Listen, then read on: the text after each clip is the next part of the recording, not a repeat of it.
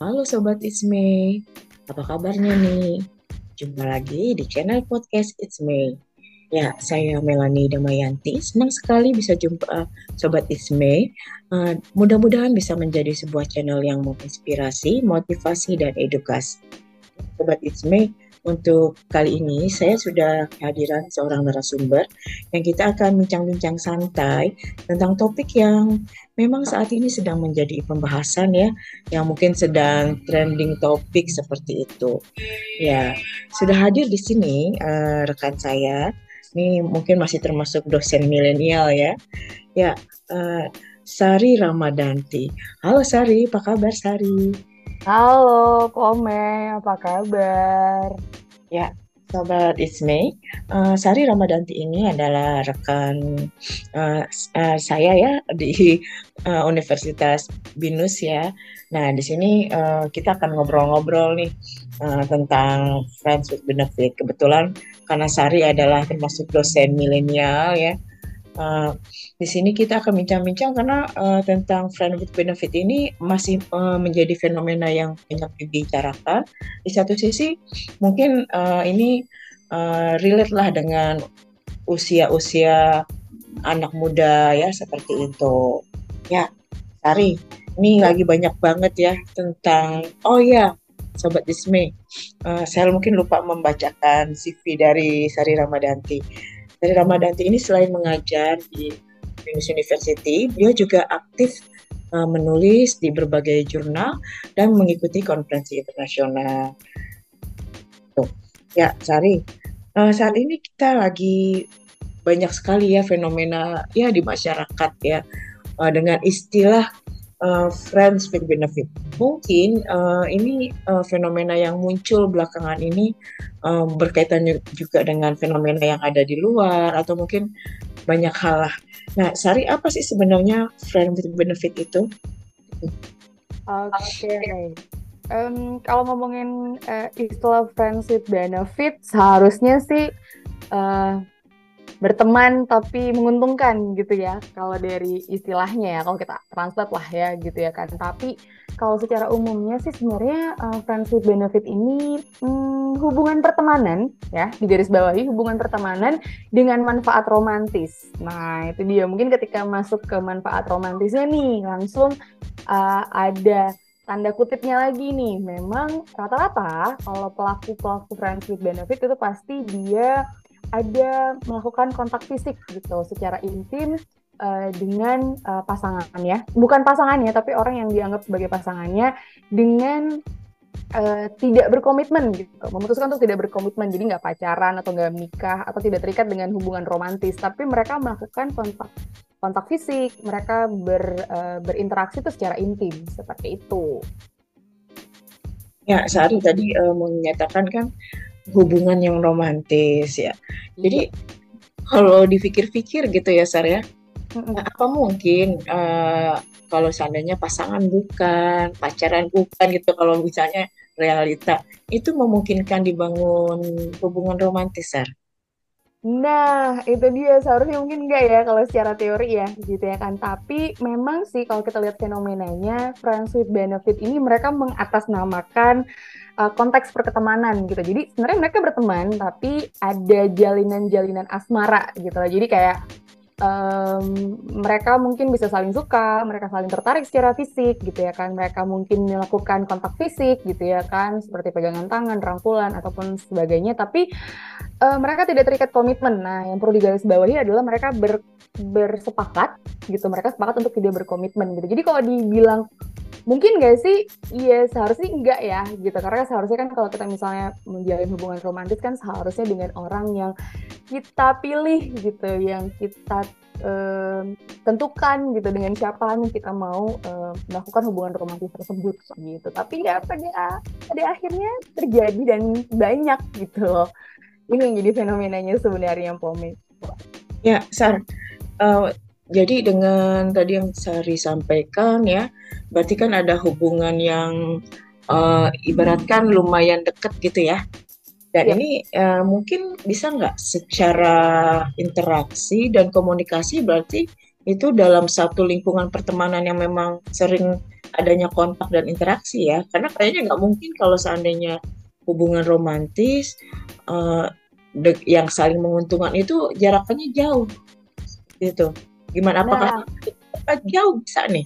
Gimana Sarah kalau dari fenomena yang ada gitu ya kan kalau dari dengar curhatnya para teman-teman mahasiswa ada beberapa yang uh, saya kenal dan ya mereka bercerita lah tentang hubungan mereka itu sih rata-rata sih memang dari inner circle-nya mereka sendiri gitu. Jadi pertemanan gitu. Awalnya mungkin teman, kenalan, teman, terus uh, kemudian muncul lah ada percikan-percikan gitu ya kan, ada ketertarikan pastinya.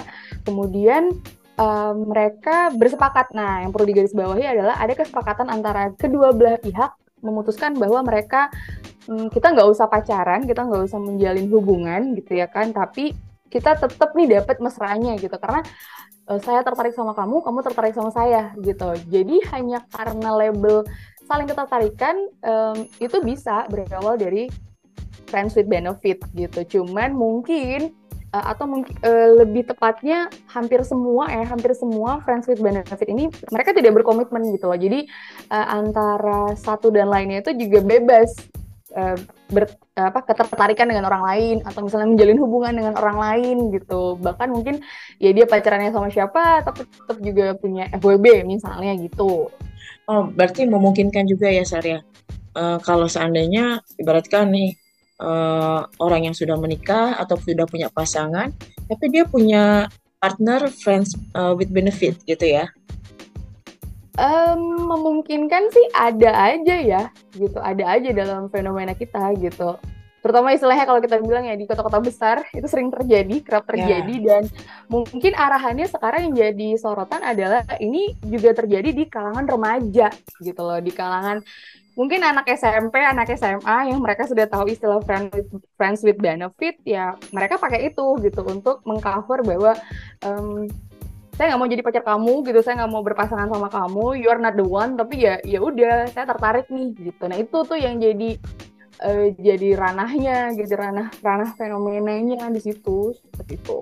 Ya sebenarnya ini uh, merupakan ini nggak sih uh, pengaruh dari budaya Barat yang memang uh, mungkin ya kita tahu ibaratkan menjadi ini ya menjadi inspirasi bagi anak-anak muda uh, untuk melakukan ya uh, mungkin itu tadi yang namanya with benefit. Kalau dibilang pengaruh dari luar, saya sepakat sih, saya setuju banget ya gitu karena um, kalau kita lihat dari culture-nya kita, dari uh, budaya di Indonesia, itu kayaknya nggak ada deh istilah kayak gitu ya. Hmm, bukan sesuatu hal yang wajar gitu loh, karena uh, ya seperti yang kita tahu kita mayoritas juga uh, banyak dipengaruhi oleh beberapa nilai-nilai uh, agama gitu ya kan. Tapi um, ya itu tadi dengan adanya pengaruh dari luar gitu. Bahkan um, ada filmnya sendiri kan Friends with Benefit gitu. Dan itu mungkin jadi jadi hmm, apa ya jadi benchmark bagi para anak muda. Oh ada nih bisa nih gitu. Mungkin kali ya. Agak ya. seru juga nih sebenarnya. Ya benar ya seru ya. Apalagi uh, mungkin di kota besar gitu ya Sar. Uh, interaksi laki-laki perempuan itu kan dalam sebuah pekerjaan aktivitas itu sudah semakin ini ya semakin kompleks dan semakin erat seperti itu. Nah Sar sebenarnya uh, ini motivasi orang melakukan ya tadi ya uh, hubungan romantis dengan teman itu apakah uh, memiliki motivasi yang sama yang dilakukan orang dewasa dengan uh, remaja? Um, sebenarnya sih motivasinya itu apakah sama atau enggak, um, jujur saya nggak terlalu begitu paham secara in teori or atau in detailnya ya seperti apa. Tapi kalau misalnya kita bedah nih di dalam ilmu komunikasi, salah satu teorinya ada yang uh, menyatakan mengenai um, teori transaksi sosial ya uh, social exchange theory ya. Bener ya. Bener kan Pak Mi ya? Saya nggak salah ya? Iya betul. Ya bener. Jadi ada teori transaksi sosial di mana um, kurang lebih kalau misalnya teman-teman mau tahu itu teori tentang cost and reward. Jadi dalam berhubungan ya terutama ini memang dikaitkan dalam hubungan um, interpersonal gitu ya kan antara satu orang dengan orang lain. Dan spesifiknya adalah mungkin bisa dikaji dalam konteks uh, perbedaan gender jadi antara laki-laki dan perempuan itu pasti ada uh, perhitung-perhitungan gitu loh. Jadi kita kayak menjalin suatu hubungan itu kita pasti mengukur ada cost dan ada reward. Gimana kalau cost itu kita ibaratkan seperti effort lah ya. Kemudian kalau reward itu ya mungkin ya apa nih keuntungannya gitu ya kan. Keuntungan yang kita dapat dari hubungan tersebut. Nah, kalau kita kaji mengenai istilah friends with benefit sebenarnya ya nggak jauh-jauh dari teori um, pertukaran sosial tadi gitu ya kan. Jadi di mana uh, mungkin bagi beberapa orang gitu ketika ngomong ketika melakukan friends with benefit atau dia punya friends with benefit dia merasa bahwa kayaknya uh, tipe hubungan ini tuh lebih cocok gitu karena dia merasa uh, saya tidak melakukan mengeluarkan cost yang cukup besar gitu. Saya tidak perlu effort gitu kayak punya pacar tapi saya juga bisa mendapatkan yang saya mau gitu keuntungan-keuntungan yang bisa saya dapatkan tanpa saya harus berkomitmen karena uh, in psikologinya komitmen is the hard things gitu ya kan. Komitmen tuh bagi sebagian orang gitu ya kan. Bagi sebagian orang tuh adalah hal yang berat gitu. Dan dengan istilah atau mereka mengcovernya dengan oke okay, kita FWB-an ya gitu. Atau kita friends with benefit itu mungkin lebih lebih mengurangi beban itu gitu. Lebih mengurangi bahwa oh saya nggak harus yang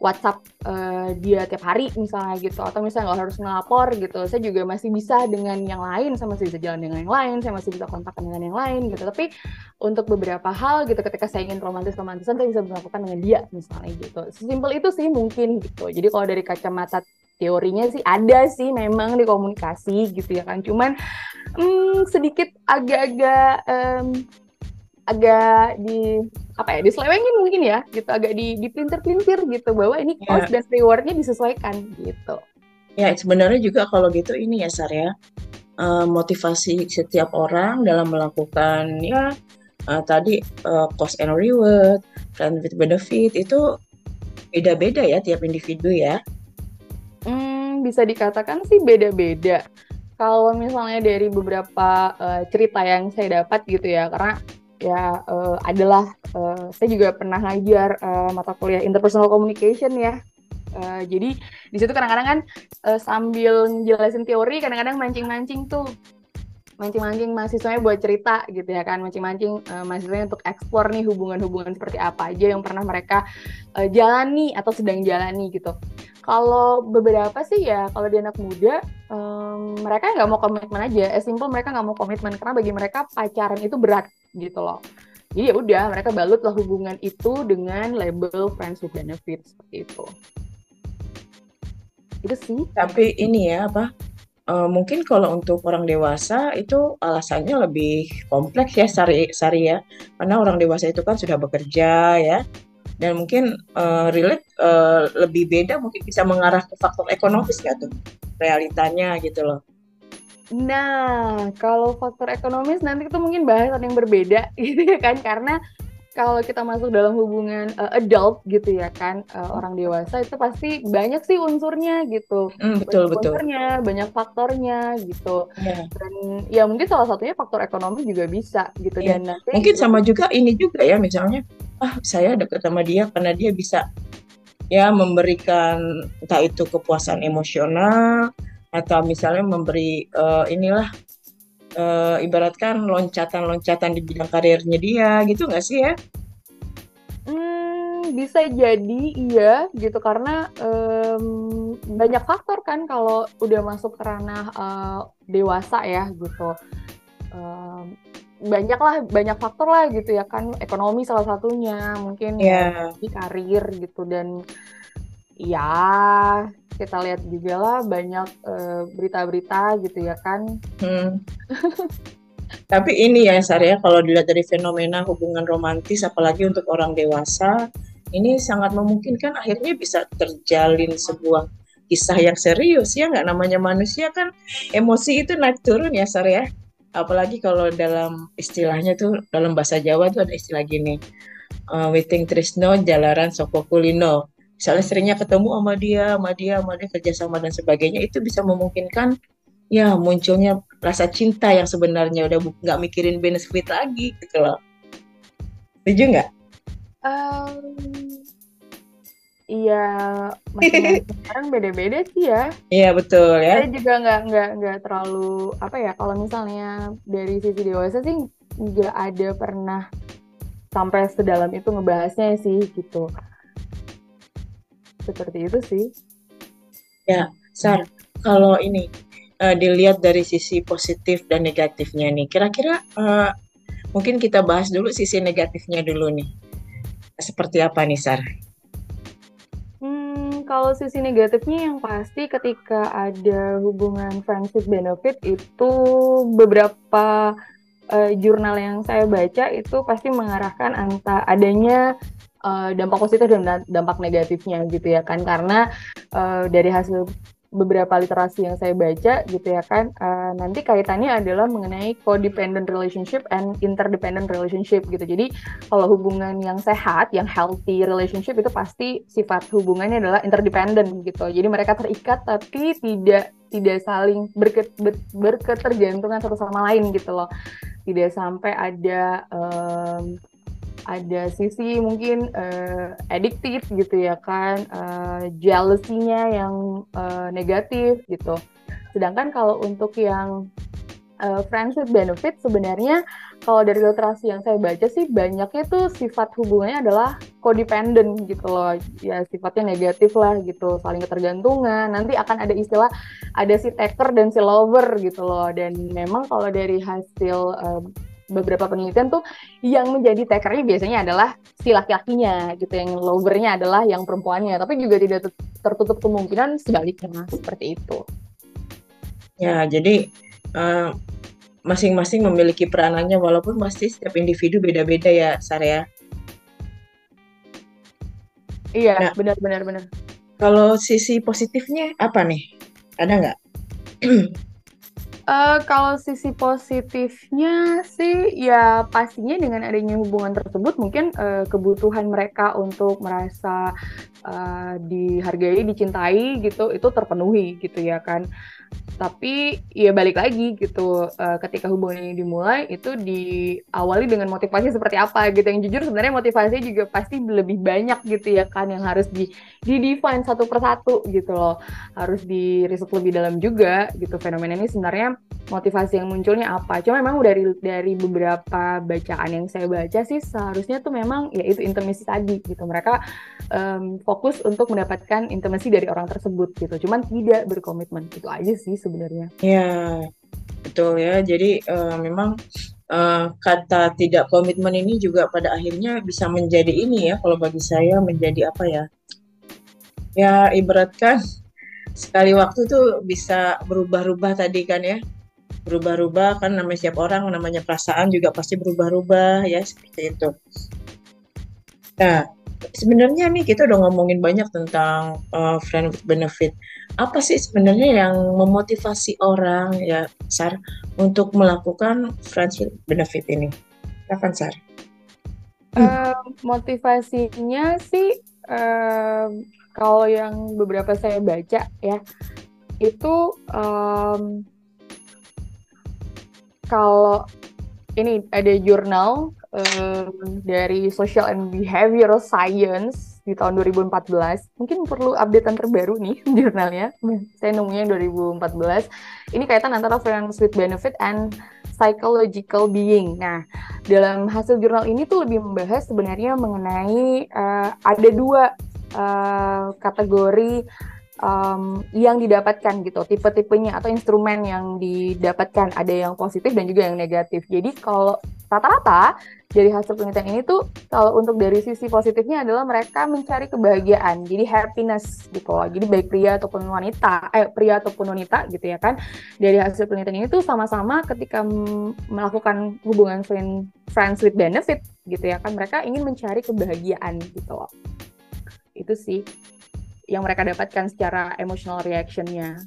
Ya, mungkin uh, kalau dilihat dari gini, misalnya mereka sudah memiliki pasangan, uh, sebenarnya bisa dikatakan kebahagiaan yang mungkin kebahagiaan yang semu atau mungkin kebahagiaan dalam bentuk yang berbeda gitu nggak sih?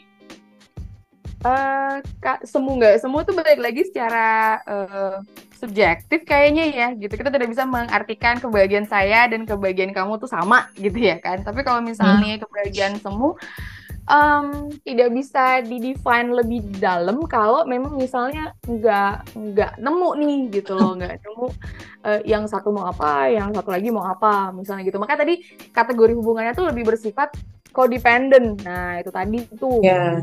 jadi ada ya. yang sama lebih... aja gini. Gini Sarah apa misalnya ada untuk orang yang udah punya pasangan gitu kan. Terus uh, mungkin dia menemukan kebahagiaan pada ya teman uh, friend with benefitnya itu. Karena mungkin bisa berdiskusi bisa uh, bisa apa ya uh, bisa lebih bertukar pikiran. Sedangkan mungkin pasangan yang sebenarnya tuh tidak bisa melakukan hal itu. Bisa kan seperti itu ya? Nah itu dari siapa tuh? Maksudnya nggak biasanya seperti itu nah kalau, dari... kalau biasanya seperti itu sih ya tergantung uh, masing-masing orangnya gitu. Mm-hmm. Karena kalau misalnya dari fenomena anak mudanya gitu, um, ini nih ada nih mungkin teman-teman juga pada tahu ya itu ada uh, tiktokers ya namanya mm-hmm. Satria Mahathir gitu ya kan dia mengekspos dulu julukannya Papa Muda karena dia sempat menghamili pacarnya terus tiba-tiba uh, di awal di tahun ini gitu dia datang dia menghamili FWB-annya gitu loh. Nah, itu itu juga dan dia sempat diundang di beberapa podcast juga gitu ya kan untuk ngomongin sebenarnya kenapa sih gitu sampai melakukan itu misalnya gitu dan jawaban-jawabannya itu seperti men menormalisasikan friend with benefit gitu. Itu sih sebenarnya yang jadi uh, highlightnya gitu. Kok ada ya? Kok kok itu jadi normal ya gitu. Ya, jadi pada akhirnya memang uh, kembali ke individu masing-masing ya Sari ya. Hmm. Kembali ke individu masing-masing sama aja juga seperti ini uh, hubungan apa ya sejauh mana tadi ada ketergantungan dan tidak itu juga setiap individu motivasinya beda-beda.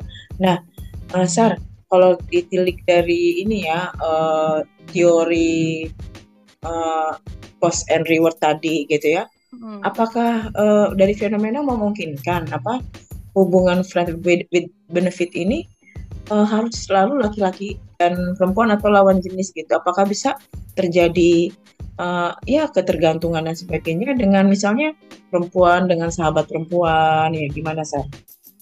Nah, sebenarnya makanya saya juga kadang-kadang kalau ngomongin istilah friend with benefit kan udah sepertinya sudah dicapnya bahwa ini adalah hubungan antara laki-laki dan perempuan gitu ya kan. Dan itu sifatnya rom hubungan romantis gitu ya kan. Tapi tanpa komitmen gitu.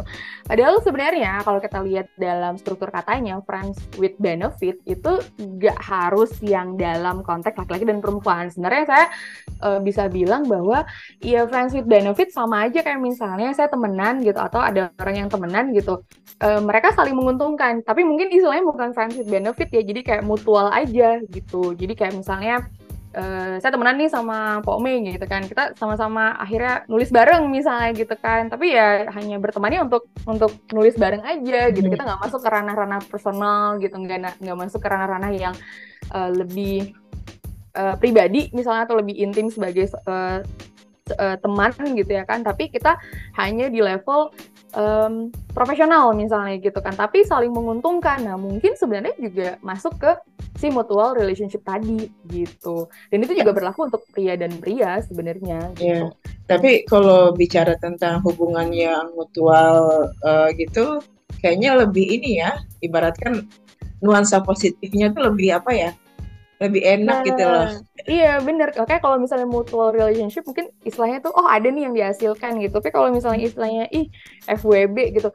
Makanya sebenarnya kalau di um, hubungan anak muda gitu ya karena itu dia itu jadi kayak satu jargon yang menyatakan bahwa ketika ada hubungan yang tanpa komitmen tapi mereka deket gitu ya kan. Um, mereka ada romansnya ya mereka FWB gitu. Tapi ketika misalnya dia temenan tapi misalnya sering ngerjain tugas bareng gitu terus akhirnya sampai uh, wisuda bareng gitu ya kan terus nilainya bagus nah itu nggak nggak mungkin diistilahkan sebagai friends with benefit gitu itu lebih ke kayak oh dia mutual gitu loh saling menguntungkan aja gitu ya jadi sebenarnya uh, untuk ya hubungan yang mungkin ibaratkan benar-benar saling mendukung itu adalah sebaiknya lebih ke arah mutual gitu ya.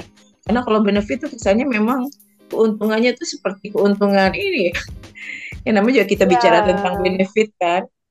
Iya makanya sih ya, kadang-kadang tuh jadi sering jadi jokes juga sih gitu kan. Friends with benefit ya is okay mungkin gitu ya kan. Karena saling menguntungkan. Cuman ya itu tadi karena konteksnya, karena sudah menjadi jargon di uh, masyarakat kita terus terutama di para anak muda bahwa itu tuh uh, negatif gitu loh. Jadi kayak wah ini apa nih? Ya, gitu. betul, oh pasti sesuatu yang mengarah-arah ke ke uh, apa hubungan yang terlarang lah misalnya gitu. Padahal sebenarnya kalau kita kaji secara terminologi bahasa gitu ya kan, kalau diartikan langsung plek-plekan gitu ya kan, berteman dengan manfaat misalnya gitu ya kan, nah itu sebenarnya nggak ada nggak nggak nggak ada sama sekali ininya gitu loh kesalahannya gitu, cuman ya karena sudah menjadi pakem gitu ya kan, menjadi ya. jargon. Jadi uh, emang ini sih ya apa untuk menjalin sebuah relasi itu sebenarnya uh, untuk mengarah ke hal positif emang sebaiknya kita yang bisa saling dukung, saling bangun, malah kalau bisa ya tadi saling uh, mengingatkan dalam kebaikan yang positif gitu ya, jadi mutual. Tapi kalau bicara benefit memang lebih ke arah negatif ya, uh, Sar. Malah mungkin memungkinkan nggak ah lu udah nggak menguntungkan lagi buat gue jauh kesannya tuh. Aduh ya. Uh, unsur materialismenya tuh kelihatan banget gitu loh ya kan? Ya iya sih gitu. Um, malah oh, udah nggak menguntungkan. Sana ya mal, mal, malah sebenarnya kalau dalam sesi hubungan tadi balik lagi tuh kita bahas teori uh, social exchange gitu kan social exchange teori. Di mana sebenarnya ketika orang menjalin hubungan itu pasti dia akan mengukur tuh apakah cost dan rewardnya itu sesuai dan sepadan gitu loh. Ketika enggak ya uh, dua orang yang saling berhubungan ini baik laki-laki perempuan ataupun laki-laki dengan laki-laki ataupun perempuan dengan perempuan ya mereka mereka berhak dan mereka punya pilihan untuk mengakhiri hubungan itu sih sebenarnya gitu. Ya betul. Dilanjutkan apa enggak gitu. Jadi sebenarnya yang berkaitan dengan apa uh, reward dan benefit itu sebenarnya tidak hanya mungkin faktor materi ya, tapi juga mungkin uh, faktor emosi ya seperti itu. Karena mungkin dengan sejalannya waktu terlihat adanya ketidakcocokan, misalnya dalam bertukar pendapat dan sebagainya seperti itu. Ya, Sar, mungkin uh, bisa memberikan ini nih uh, tips kepada sobat It's Me. Gimana caranya agar uh, tidak terjebak dalam situasi uh, friends with benefit? Gimana, Sar? Um, uh, yang pasti kalau misalnya tidak terjebak ya harus tahan godaan. Iya betul ya. harus tahan godaan karena yang namanya ketertarikan bisa datang di mana aja, kapan aja. Uh, itu nggak tahu gitu ya kan. Yang pasti ya harus tahan godaan.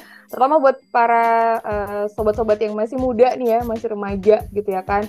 Um, kalau misalnya teman-teman misalnya belum bisa merasa untuk berkomitmen ya udah gitu. Tidak usah berkomitmen dan menunda untuk berkomitmen tapi tidak melakukan hal yang uh, sebenarnya sama aja. Karena kalau dari hasil riset beberapa riset yang saya baca gitu kan um, friends with benefit itu tadi ada istilahnya gitu kan. Ada yang taker ada yang lover gitu. Pasti ada salah satu orang gitu atau salah satu pihak yang lebih diuntungkan daripada pihak lain gitu. Jadi ujung-ujungnya tetap sakit hati, tetap yang merasa uh, paling uh, paling mengeluarkan cost lebih banyak dibandingin reward yang didapatkan. Jadi sebenarnya nggak akan equal juga gitu. Malah mungkin kita lebih lebih mengarah ke hubungan yang mutual aja gitu loh. Mutual ya, juga yang positif gitu ya, ya mutual ya, yang positif. Jadi kayak misalnya eh, ngerjain tugas bareng lulus bareng IPK-nya bagus bareng hmm. gitu ya kan dan wisudanya bareng gitu ya kan. Nah itu mungkin lebih lebih positif dan lebih membangun seperti itu. Jadi mau dari mau dikaji dalam konteks apa pun gitu ya kan yang namanya karena istilahnya tuh udah udah baku banget di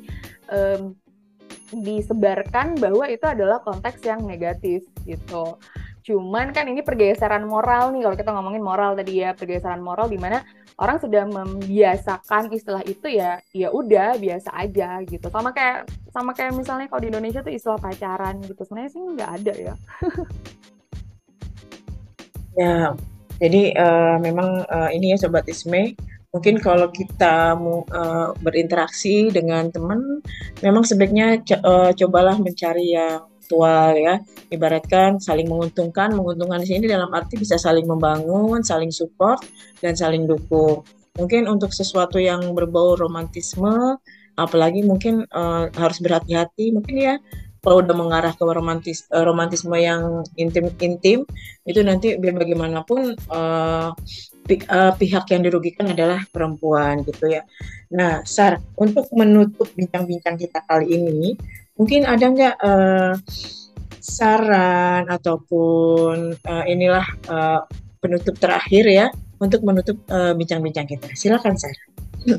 Uh, kalau dari saya sih, uh, ya kita udah kenal ya istilah friendship benefit dan dengan ya mungkin ada yang pro ada yang kontra gitu ya kan ada yang ya kenapa? Gitu ya kan. Mungkin ada juga yang bilang ya kenapa kan nggak nggak apa-apa gitu. Ada juga yang oh nggak bisa ini bertentangan dengan nilai dengan apa segala macam gitu ya kan. Pasti pasti ada pro dan kontranya. Kalau dari saya sih buat teman-teman muda di sana uh, yang mendengarkan podcast ini mungkin itu tadi lebih selektif lagi gitu mencari pertemanannya gitu. Uh, mulai bisa fokus sama diri sendiri gitu ya kan. Jadi jangan hanya fokus sama orang lain jangan hanya fokus untuk um, apa ya uh, butuh kebutuhan untuk disayang, uh, kebutuhan untuk uh, ada di posisi uh, romantis, hubungan romantis itu memang kadang-kadang tuh yang menjadi dilemanya gitu. Tapi uh, mulai baliklah ke fokus untuk diri sendiri, fokus untuk bangun diri, fokus untuk bangun hubungan hubungan-hubungan yang positif yang bisa membangun kamu gitu loh, bukan yang malah mem mem menghancurkan gitu ya kan atau malah merugikan gitu. Karena sudah dipastikan dari beberapa riset itu pasti kalau friends with benefit itu sifat hubungannya negatif dan dia ada keterkaitan dengan co-independent yang itu tadi. Pasti ada pihak yang dirugikan dan ada yang menjadi taker dan ada menjadi lover. Jadi tinggal pilih aja mau jadi taker apa menjadi lover. Dua-duanya sama-sama nggak enak gitu. Jadi daripada nggak enak gitu ya kan tetapnya ujung-ujungnya.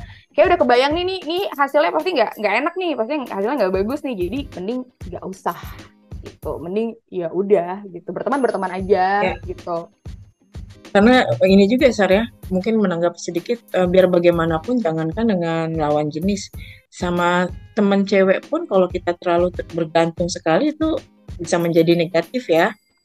Ya, sama siapa pun itu nggak uh, akan baik lah gitu ketika uh, bergantung gitu. Ibaratkan ada dia kita semangat dan pede, nggak ada dia tuh uh, kita kurang semangat dan nggak pede. Saya juga suka ngeledekin mahasiswa. Kalian jangan apa misalnya uh, pulang sama dia berangkat sama dia duduk pun sama dia istirahat sama dia. Ibaratkan itu kan sudah pertemanan yang dia lagi dia lagi. Yeah. seperti itu. Ya Sar makasih banyak nih udah menyempatkan diri untuk bincang-bincang di podcast It's Me. Uh, semoga ini bisa menjadi ini ya uh, wawasan dan literasi bagi sobat It's Me. Mungkin untuk wah waspadalah ya mungkin dalam membina pertemanan. Tadi uh, usahakan mungkin menjadi pertemanan yang lebih mutual ya lebih saling uh, memberi manfaat dalam arti positif ya bukan dalam arti ketergantungan yang lebih mengarah negatif apalagi sampai ke intimasi seperti itu. Ya Sari terima kasih banyak. Semoga nggak bosan untuk ngobrol-ngobrol lagi di podcast It's Me. Terima kasih Pome. Ya, sama-sama. Ya, Salam literasi, salam edukasi. Jumpa lagi di episode yang berbeda. Salam.